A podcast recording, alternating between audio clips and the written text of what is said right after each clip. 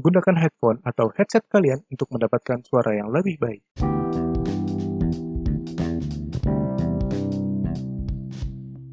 Assalamualaikum warahmatullahi wabarakatuh. Selamat pagi, siang, sore, atau malam yang mendengarkan podcast dari kita ini.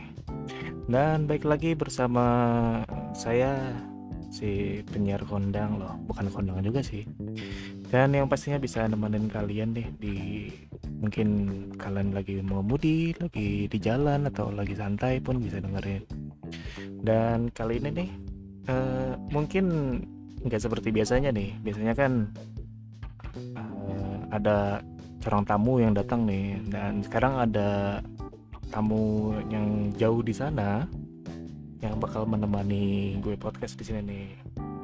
Yaitu ada siapa nih? Boleh diperkenalkan terlebih dahulu dari sebelah kiri. Halo guys, perkenalkan gua Rama Gifari. Gua berasal dari Purwokerto, Jawa Tengah. Oke, Bapak Rama ya, kita panggil aja ya. Iya. Dan satu lagi dengan siapa? Halo, gua Jois, Jois Santeski, lu bisa panggil gua Jois saja. Gua tinggal di Bekasi sekarang. Wah, dari dunia dunia yang berbeda sepertinya ya, dunia Bekasi ini ya. Betul betul. Kalian orang lemah yang tidak bisa tinggal di Bekasi, ya silakan. Oke oke oke. eh, sebelum itu mungkin kita tanya dulu ya untuk seorang Rama. Halo Ram, Ah iya, bagaimana? Eh, gimana Ram sehat? Alhamdulillah sehat. Lu Oke. sendiri gimana, Bro? Alhamdulillah sehat juga. Oh ya, Lama itu nggak ketemu nih, Bro. oke Ram. Ini gue pengen nanya nih, lu sekarang kerja atau apa? Ah, gua masih kuliah. Kuliah? Hmm, Iya, semester berapa? Semester lima. Oke. Gua Kalau jurusan Prodi Sistem Informasi. oh, harus sepenting itu ya dikasih tahu ya. Ah, harus dong. Oke. Dan selanjutnya untuk Joyce. Ah, saat ini gua bekerja as front end developer atau yang nggak tahu itu programmer di salah Wah. satu ah, digital agency di Jakarta yaitu Dexter Asia. Wah, di sini nih ada seorang mahasiswa dan seorang pekerja ya. Tapi sebelumnya, gue pengen nanya sedikit dulu nih. Eh, menurut kalian nih, dampak COVID-19 ini yang udah berapa bulan ini ya hitungannya ya? Mungkin ada kali Kalau setengah tahun ya. Dari gua udah hampir mau hampir mau setahun kali, mungkin udah 10 bulanan kali. Karena Wow. ah, jujur, ya jujur aja dari perusahaan gue itu udah mulai work from home itu dari bulan Februari nggak salah sih. Wow, udah lama sekali ya. Dan untuk yang mahasiswa gimana ini? Kebetulan sama sih. Dari eh kalau nggak salah itu kalau gue ingat dari Maret Maret akhir itu sudah mulai lockdown ya. Jadi ya. kuliah kuliah online. Nah, Terus apa sih dampak-dampak yang kalian terima nih dari misalnya nih dari Rama nih dari kuliah-kuliahan berarti kuliahnya online gitu kan? Itu Iya. gimana tuh? Kalau dari gua kendalanya gimana ya? Pada saat gua kuliah offline aja nih, materi yang diberikan sama dosen itu belum tentu masuk ke gua. In- Ini yang nggak bisa masuk ini dari anda sendiri atau dari siapa ini? Rata-rata sih temen gue bilang gitu semua. Dari Oh. dari kuliah tatap muka aja mereka belum bisa.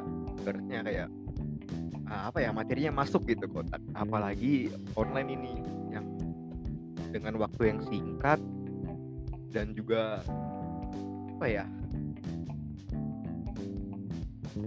Apa ayo? Nah, ya dosennya itu ngasih materi kayak kurang jelas gitu. Hmm? Dan waktu kuliah pun berubah-berubah. Misalnya ya, nah, yang seharusnya hari Senin jam 8 pagi itu dosen senaknya berubah waktu kuliah ke hari Kamis siang gitu, di mana waktunya untuk tidur kan. Tapi bukannya gitu, jadi tapi bukannya pada satu lu emang harus ke kampus juga dosen juga bisa ngerubah gitu ya? entah itu dia datangnya telat entah itu dia ya ya ya betul, betul ya kan? betul. Pasti itu pernah dong. Nggak nggak kenapa kenapa lu bisa menyebut itu sebagai ngurung-ngurubah padahal kan lo walaupun lo datang ke kampus pun dosen pun bisa merubah waktu. Gimana itu?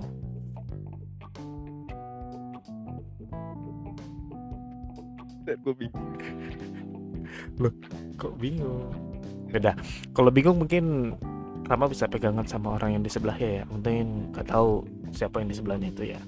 Oke mungkin kita balik ke si Joyce nih. Joyce gimana kerja work work from home itu? Apakah menyenangkan? Eh, kalau dibilang menyenangkan, ada sisi baik, sisi tidaknya sih sebenarnya. Buat gua personal itu tentu aja jadi ada suatu tantangan juga sih dalam work from home ini. Because Oh. you know, uh, kita kerja dari rumah oke tanpa ada mungkin atasan atau kalau di gua kan ada tech lead dan juga project manager yang mengawasi pekerjaan kita gitu ya kan. Jadi kita berasa sangat free sekali gitu ya kan. Jadi pasti ada lah kayak rasa-rasa kayak uh, Ah, udah. agak-agak lazy gitu loh, agak malas gitu kan kayak uh, aduh gua mau kerja nih tapi pengen YouTube lah atau main game lah gitu loh. Jadi kayak tantangannya tuh ada gitu loh untuk dampak dari work from home ini. Tapi untuk dampak dari sisi pekerjaan sih sebenarnya eh, karena seorang programmer gitu ya kan emang ya udah banyak juga gitu loh yang melakukan eh, remote work. Jadi sebenarnya itu bukan suatu hal yang bermasalah sih. Apalagi perusahaan yang gua tempat gua bekerja ini kan juga digital agency gitu. Semuanya Oke. semua servisnya itu berupa digital gitu ya kan mulai dari developing apps, designing uh, social media, bla bla bla.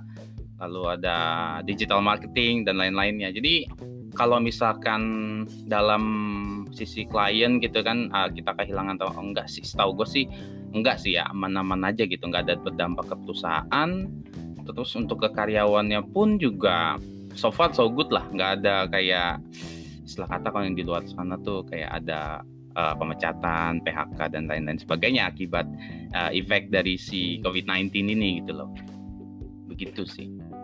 Iya. Jadi walaupun di rumah pun kasarnya kita tetap profesional lah ya harus bekerja Betul, sebagaimana dan kalau mau disuruh meeting walaupun itu tapi pernah nggak sih lu melakukan meeting yang tidak biasa? Dalam arti meetingnya itu biasa kan kalau pekerja kan masuk jam 8 pulang jam 5 kan. Eh tiba-tiba ini jam 8 malam atau jam 9 malam lu harus meeting. Uh, untuk WFH ini ada lah, ada ada betul. Ada. Jadi istilah kata uh, work time-nya itu jadi lebih ke fleksibel sih sebenarnya. Istilah kata betul tadi di luar jam kerja pun pasti nanti misalkan memang dibutuhkan gitu ya kan itu bisa terjadi kayak meeting lah di jam 8 atau jam 9 gitu. Tapi pada saat kita WFO pun work from office itu juga ada kayak gitu tapi nggak sesering pada saat kita WFH seperti itu sih Tapi menurut lu yang notabene mungkin lu udah bekerja nih. Mungkin lu lagi WFH nih udah bekerja selama 8 jam ya kita hitungan ibaratkan ya kerja di seperti di kantor tapi lu posisinya cuma di rumah. Terus tiba-tiba jam malam pun lu di, dicariin untuk mengerjakan sesuatu gitu. Itu apakah menurut lu Ah, untuk keganggu? seorang eh, keganggu sebenarnya enggak sih. Untuk seorang eh, engineer di dalam dunia komputer kayak gitu itu sebenarnya udah hal yang biasa gitu untuk diminta untuk eh, misalkan kayak ada bug kita harus fixing bug ini atau melakukan pengecekan gitu loh. Di luar-luar jam kantor tuh sebenarnya even kita nggak WFH pun juga udah hal yang biasa gitu sih. Jadi dibilang keganggu enggak sih. Memang itu eh, tertulis di dalam kontrak gitu loh. Istilahnya pada saat kerja itu memang ada kalau di tempat gua ya. Jadi di dalam kontrak itu memang sudah ada di situ. Jadi ya mau nggak mau kita memang harus eh, mengerjakan gitu loh. Tapi kan tentu saja kita juga bisa memberikan kayak estimating time gitu loh. Oh ini eh, baknya ternyata cukup besar nih. Gue butuh waktu yang lumayan gitu. Dan ya bag- kalau lebih bagusnya lagi sih dari project manager atau account manajernya itu biasanya sih bakalan kalau di kita kan ada namanya scrum ini ya scrum master gitu ya kan. Master, jadi ya. jadi dia itu yang memanage semua hal dah dalam segi timeline pengerjaan development testing and etc gitu ya kan. Jadi semuanya udah kayak keukur sama dia. Misalkan kita bilang oh bahwa ini baknya bakalan cukup lama dan dia pasti bakalan eh, coba untuk Mm-mm. kayak nge apa namanya nge timelining lagi gitu loh. Kayak mencoba untuk menambahkan waktu. Oh boleh deh ya udah mungkin lo kerjainnya besok aja jangan sekarang nggak apa-apa.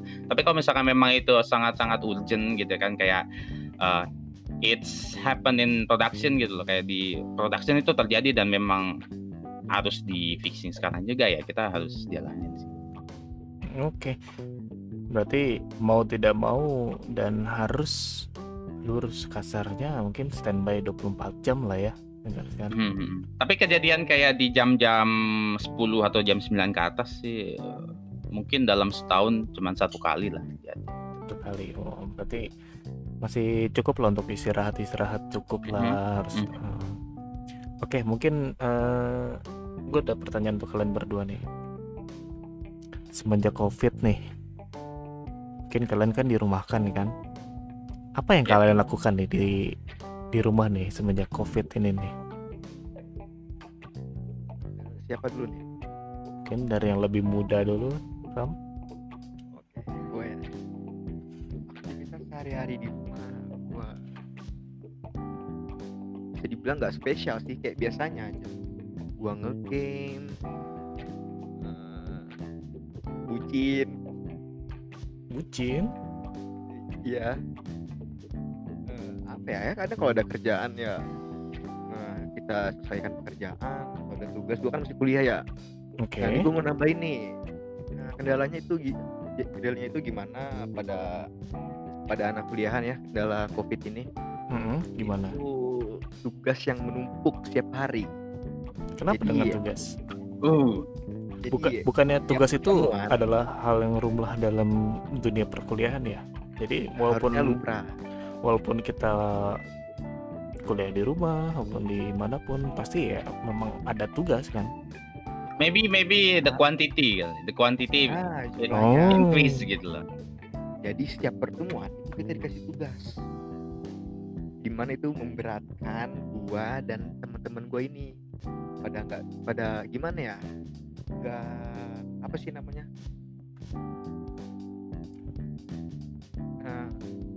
Nggak bisa lah. Mungkin dia memanage waktu gitu dengan tugas yang dikasih setiap pertemuan dengan tugas yang nggak biasa-biasa aja.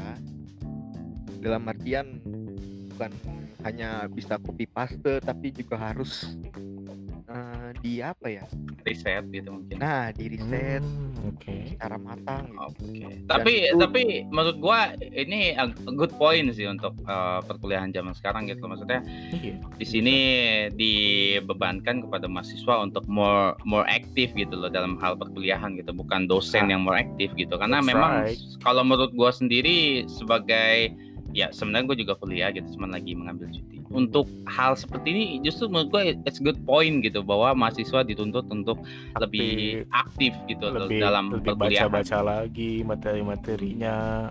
Jadi walaupun belajar dari jauh, masalahnya kita coba buka-buka lah, mencoba sesuatu. Mungkin kayak kayak lo event kayak ngoding lah atau desain grafis lah lu pasti kan ada sesuatu yang harus lo lakuin untuk melatih melatih melatih itu kan berarti ini Betul, saya tangkep kita dituntut Bapak- buat dead- deadline. Headline harus tepat waktu. Iya jadi ada masa pengumuman itu harus tepat waktu. Oke. Oh, I know, I know, I know the thing. The thing maybe you have a problem with that gitu loh. Jadi kayak uh, the activity you do in a day itu yang menyebabkan lo mungkin terganggu dengan perubahan jam kuliah dan juga uh, uh, tugas gitu ya kan seperti yang Iya, tadi betul. bilang the Biasanya quantity is more increase gitu loh.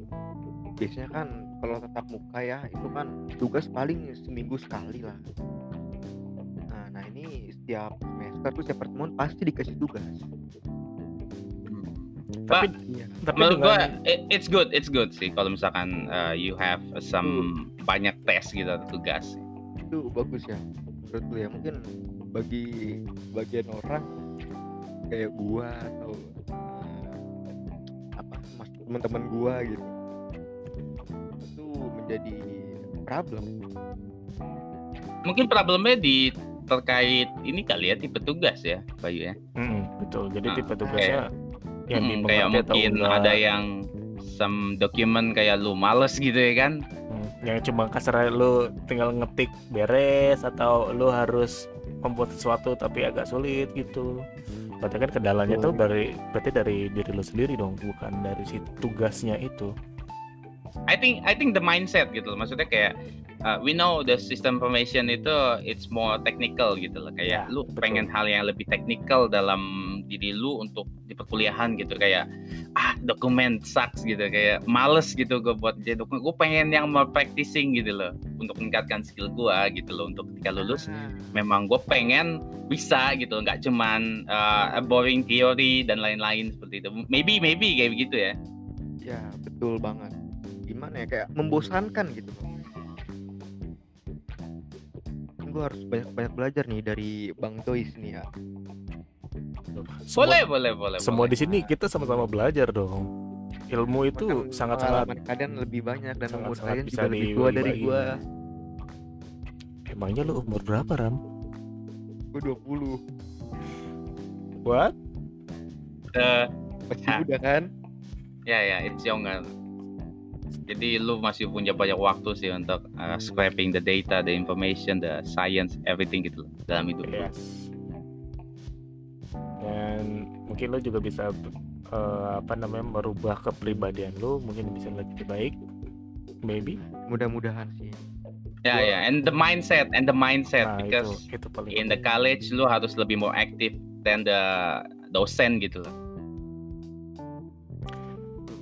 Tapi dari semua yang lu ucapkan tadi, sebenarnya lo ini niat nggak sih sebenarnya di dunia perkuliahan yang lu jalanin ini nih Ram?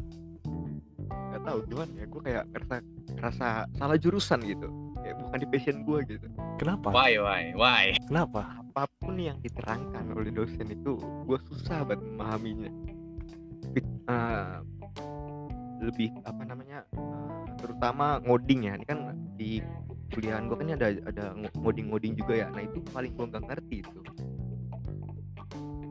Nggak ngertinya karena nah, gue nggak belum bisa memahami gitu dari segi apa namanya eh, sistemnya mungkin atau ya. Gue belajar ngoding tuh susah gitu. Nih coding kan harus dipahami atau atau harus gue hafal gitu mungkin Pak Joyce bisa diberikan yang tentang Codingan. coding-codingan. Codingan itu Ah, harus dihafal atau dimengerti? no no no no, exactly no. Kalau lu menghafal, the, the lot of programmers nggak ngafalin gitu loh. Jadi even myself gitu ya kan juga nggak hafal gitu. Sesekali gue bakalan buka documentation of the programming language that use. Jadi uh, tips mungkin tips dari gue gitu kayak uh, lu sebagai seorang mahasiswa kalau memang mau pelajari coding gitu, lu uh, harus belajar dari luar gitu karena uh, apa yang lu dapatkan di perkuliahan itu sebenarnya just the starter gitu loh. Jadi kayak hanya awalan aja, hanya the the bridge gitu jembatan untuk lu uh, explore eksplorasi ke yang lebih luas gitu loh.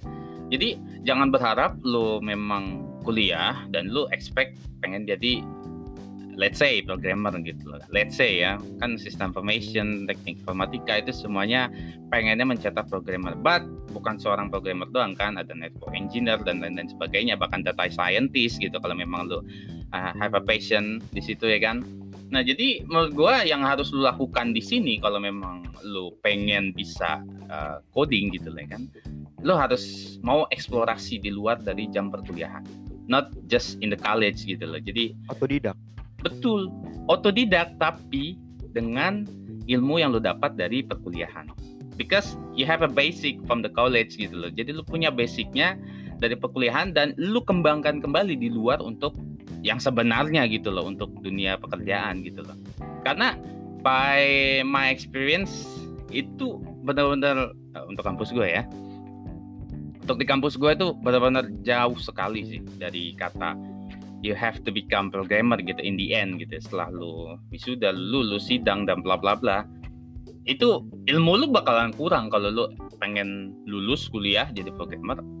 Absolutely kurang gitu loh. Jadi lu harus eksplorasi sendiri gitu loh. Nggak bisa lu cuman uh, just in the college pulang pergi kuliah kupu-kupu lah kuliah pulang kuliah pulang gitu. Seru kata di banget kampus. Hmm kayak gitu. Nah ini the mindset gitu loh. jadi the mindset of yourself harus diganti gitu. Sekarang tentuin dulu kalau emang you have a passion to coding gitu loh lo harus kayak mindsetin bahwa lu itu ya memang memang niat gitu. Memang ada niatan pengen jadi programmer pengen uh, pengen lulus dan juga memiliki kemampuan itu gitu the mindset is number one gitu kalau menurut gua. Setelah mindset lu udah oke di dalam perkuliahan ini ya kan di luar di jam jam lu uh, main lah uh, even gaming gitu loh kan lu sisihin beberapa jam atau ya menit maybe ya kan lu untuk belajar gitu belajar sendiri otodidak gitu. Dan uh, misalkan otodidak dan lu masih belum paham gitu sebenarnya banyak kok maksudnya kayak community gitu kayak komunitas yang bisa lu tanyain dan bla bla bla. Even the YouTube the course gitu kayak lu mungkin lu pernah yang namanya dengar satu website itu nama Udemy. Nah di situ banyak banget kayak video lesson course. Ada yang gratis ada juga yang berbayar gitu loh. Kayak gitu sih sebenarnya untuk tips. Lu pengen bisa ngoding di pada saat lu kuliah ini gitu loh and more practicing gitu loh. Jangan cuman kayak belajar oh ya oke okay, fine kayak gitu. Gue coba wih bisa. Enggak enggak cuma berhenti di situ. Lu harus kembangin lagi gitu loh dari hal yang udah lu dapet. Dan lu bisa kayak testing gitu kayak membuat sesuatu gitu ya kan yang memang di luar dari pelajaran yang lu dapet. Seperti itu sih. Itu kalau ibaratnya kita ada passion ya Ya, kalau ada passion nah Betul. kalau buat orang-orang kayak gue gini gimana gue nih masih bingung passion gue nih di mana gitu uh, you can you can ask yourself doang. gitu loh. Jadi lu harus bertanya ke diri lu sendiri lagi sih. Betul nggak sih, Bay? betul Jadi kayak uh, lu tuh masuk kuliah ini siapa yang nyuruh gitu kayak apa niatnya? atas Kenapa lu bisa milih apa ini? gitu kan Mm-mm, betul betul. Jadi dulu awalnya apa yang harus Hmm, gimana? apa? Dulu boleh saya awalnya coba-coba gitu ya? Iya coba-coba kuliah. Eh, sebenarnya kalau bingung daripada Gua nganggur bilang- kan bingung ngapain ya udah kuliah aja kan gitu kata orang tua. Ya udahlah gue kuliah. Iya tapi kan dalam That's sisi- why gue bilang mindset gitu loh. Eh, makanya dari awal kan mungkin bisa dibilang ada salahnya ya. Salahnya itu di mana lu melakukan suatu kegiatan yang namanya itu kuliah tapi bukan yang lu inginkan kenapa lu tidak menolaknya itu makanya lu pikir tadi si Joyce bilang mindset mindset lu tuh sebenarnya fashion nah fashion itu akan muncul ketika mindset lu udah bisa lu menentukan diri lu sendiri sila lu udah bisa baca diri lu sendiri ram Oke, kita mungkin bisa flashback lu Ram di waktu zaman lu sekolah SMA, lu sukanya di bidang apa? Mungkin di bidang sport. Nah, itu Mhm. nanti lu bisa lu kembangin dong. Mungkin di pas kuliahan lu cari fakultas yang tentang olahraga. Itu kan bisa. Betul, betul. ada yang ini sih gua ya paling ikut ekskul biasa kalau uh, tentang sport itu Itu- itu- game ya, itu dari dulu, dari contoh. ya. Itu contoh. oh Maksudnya, contoh sorry sorry sorry maksudnya kalau lu di dunia SMA lu nih, lu tuh dominan sukanya mengerjakan sesuatu yang seperti apa?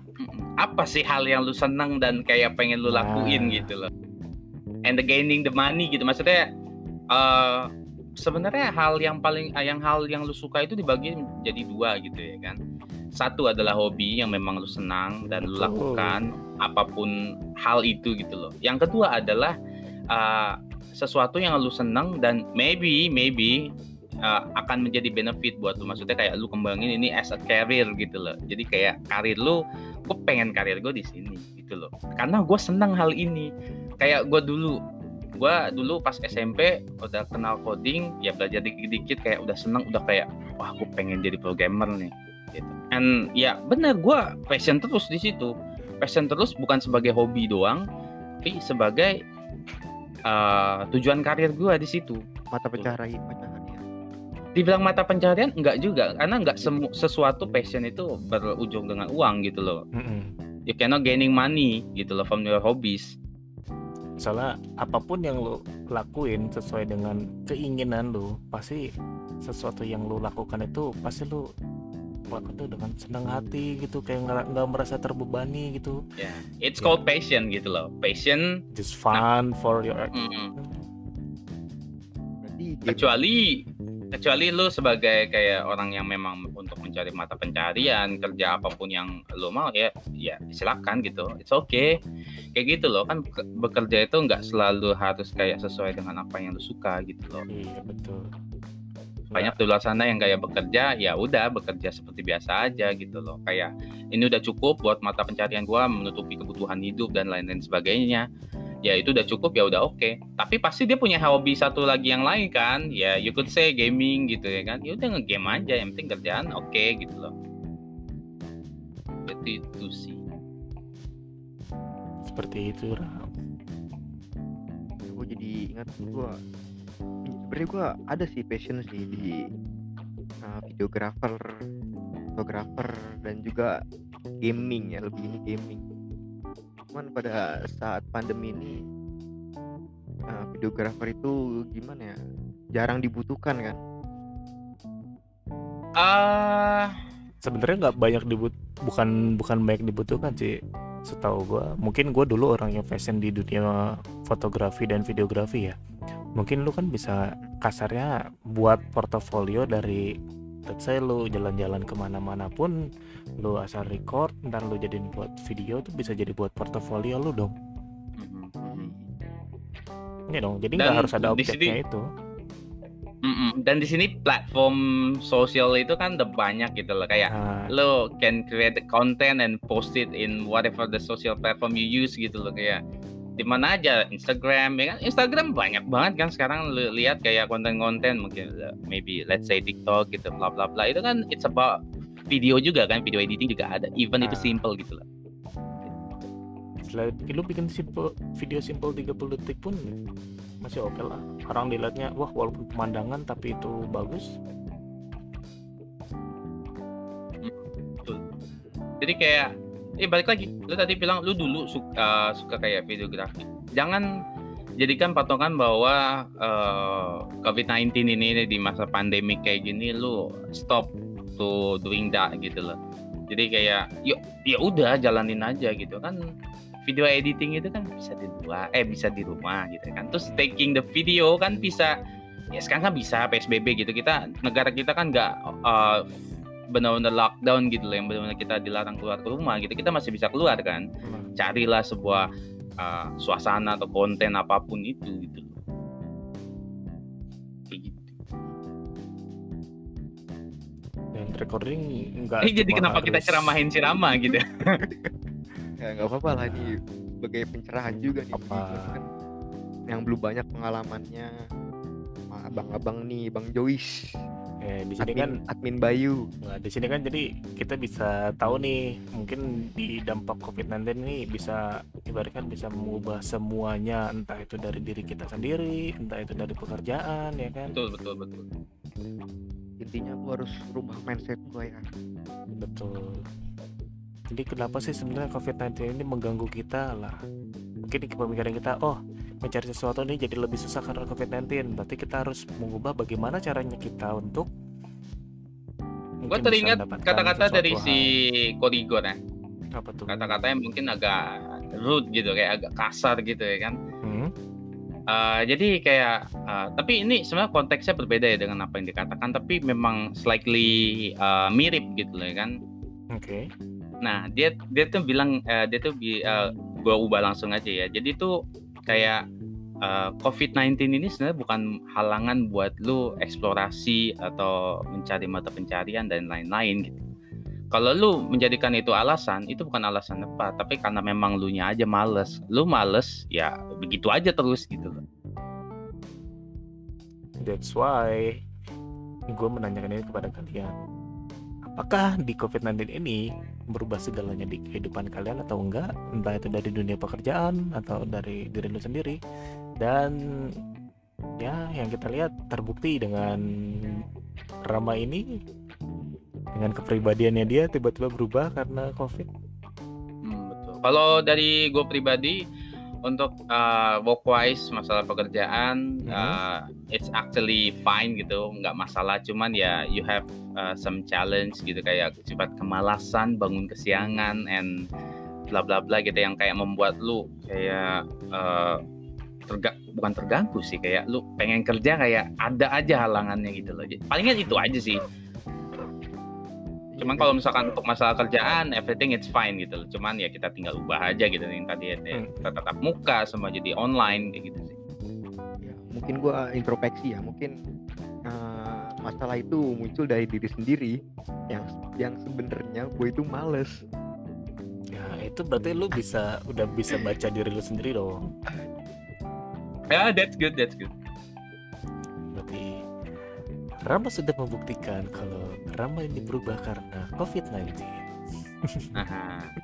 give applause Ya, berarti kita sudah menyimpulkan bahwa memang di COVID-19 ini bisa banyak merubah dalam kehidupan kita.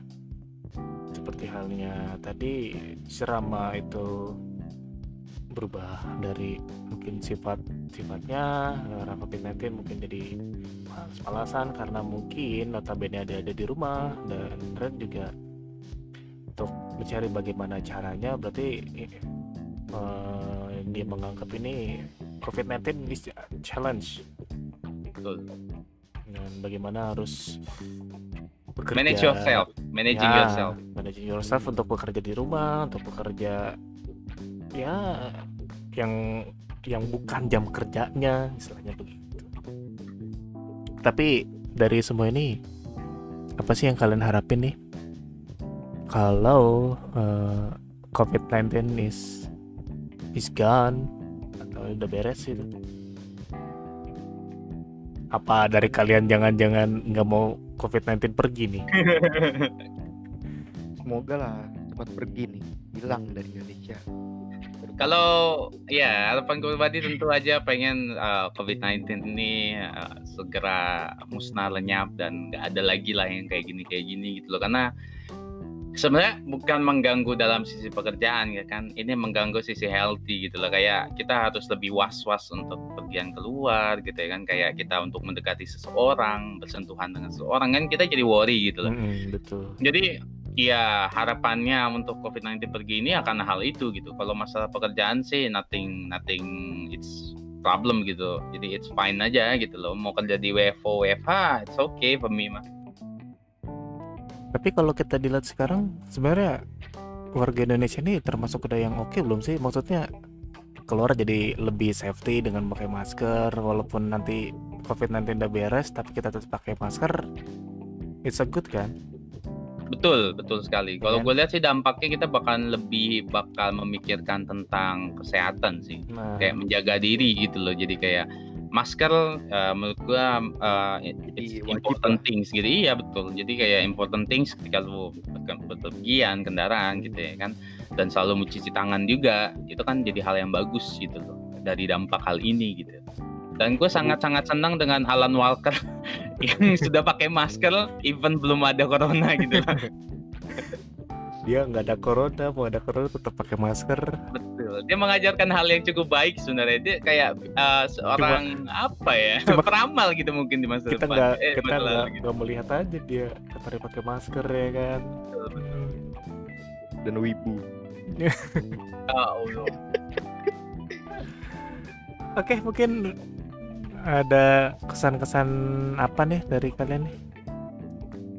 Atau em, gua dapet ini sih dapat pelajaran pelajaran atau tamparan yang keras bagi buat diri gue sendiri sih ini dari kata-katanya Bang Joyce nih dan yang pastinya nggak cuma Rama doang sih, yang pastinya juga para pendengar di sini ya bisa menyimpulkan sendiri dan bisa memahami dengan apa yang kita bicarakan gitu.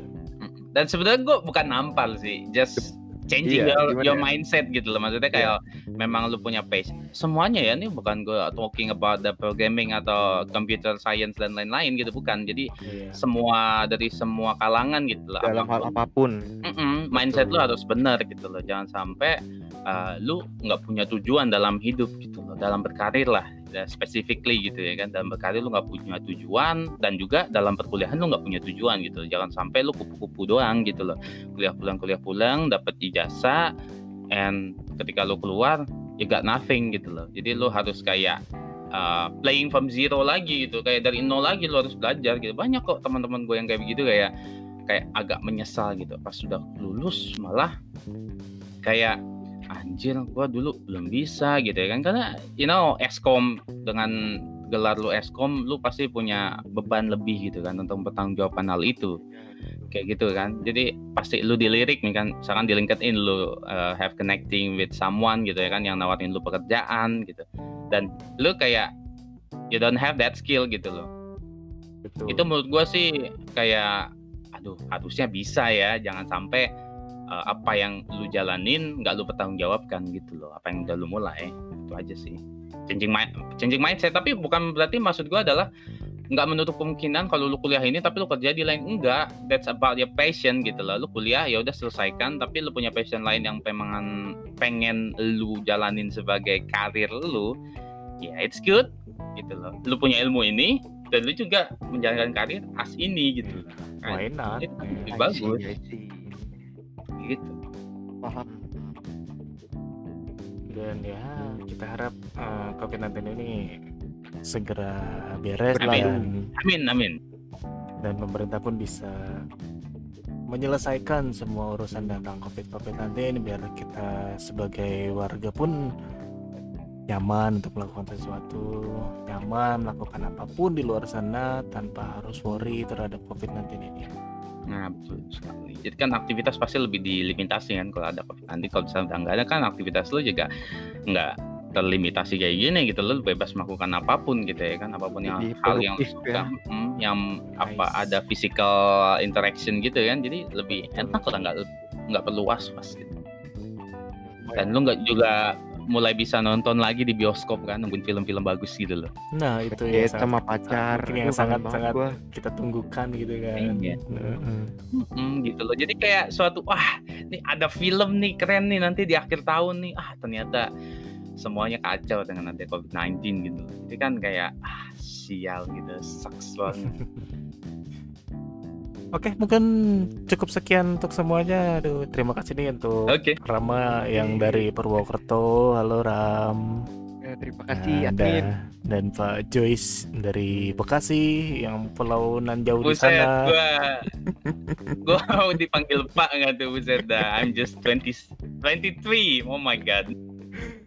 Oke, untuk Oke, semuanya thank you, terima thank you. kasih semuanya yang sudah mendengarkan ini mungkin di Spotify atau kalian menonton ini di YouTube. Dan terima kasih nanti untuk kontaknya apabila kalian ingin berbicara langsung dengan Ramat atau Joyce mungkin nanti saya akan menaruh semuanya di link deskripsi atau semuanya nanti akan saya taruh lah di bawah. Oke, Oke, one thing, one thing, Ya. one thing. Jangan lupa pakai masker dan jangan lupa cuci tangan. Thank you. Oke, terima kasih Bye. banyak. Oke dan sampai jumpa lagi. Assalamualaikum warahmatullahi wabarakatuh. Waalaikumsalam warahmatullahi wabarakatuh.